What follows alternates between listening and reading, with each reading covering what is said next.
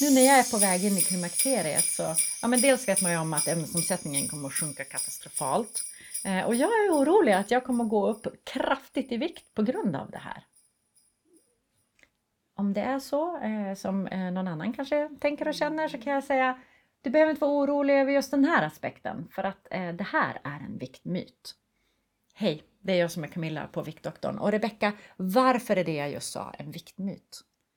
Ja, men det vi har sett är att eh, även om ämnesomsättningen i sig inte sjunker signifikant eh, vid klimakteriet så är det väldigt många människor, kvinnor, som eh, upplever en förändring i sin kroppssammansättning där eh, fettmassan ökar och muskelmassan minskar. Mm. Det här tycker inte jag låter så jättetrevligt och jag tänker särskilt när man har en etablerad övervikt och är på väg in i klimakteriet. Mm. Finns det någonting man kan göra?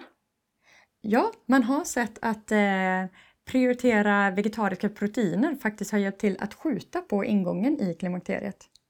Spännande! Mm. Som av en händelse har vi en podd om det här.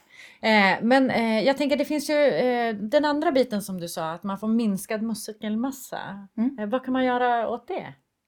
Ja, det är eh, att eh, äta protein och att eh, utöva muskelstärkande aktivitet. Ja, jag alltså lyfta på dit. någonting, som är Någonting tungt. tungt. Ja.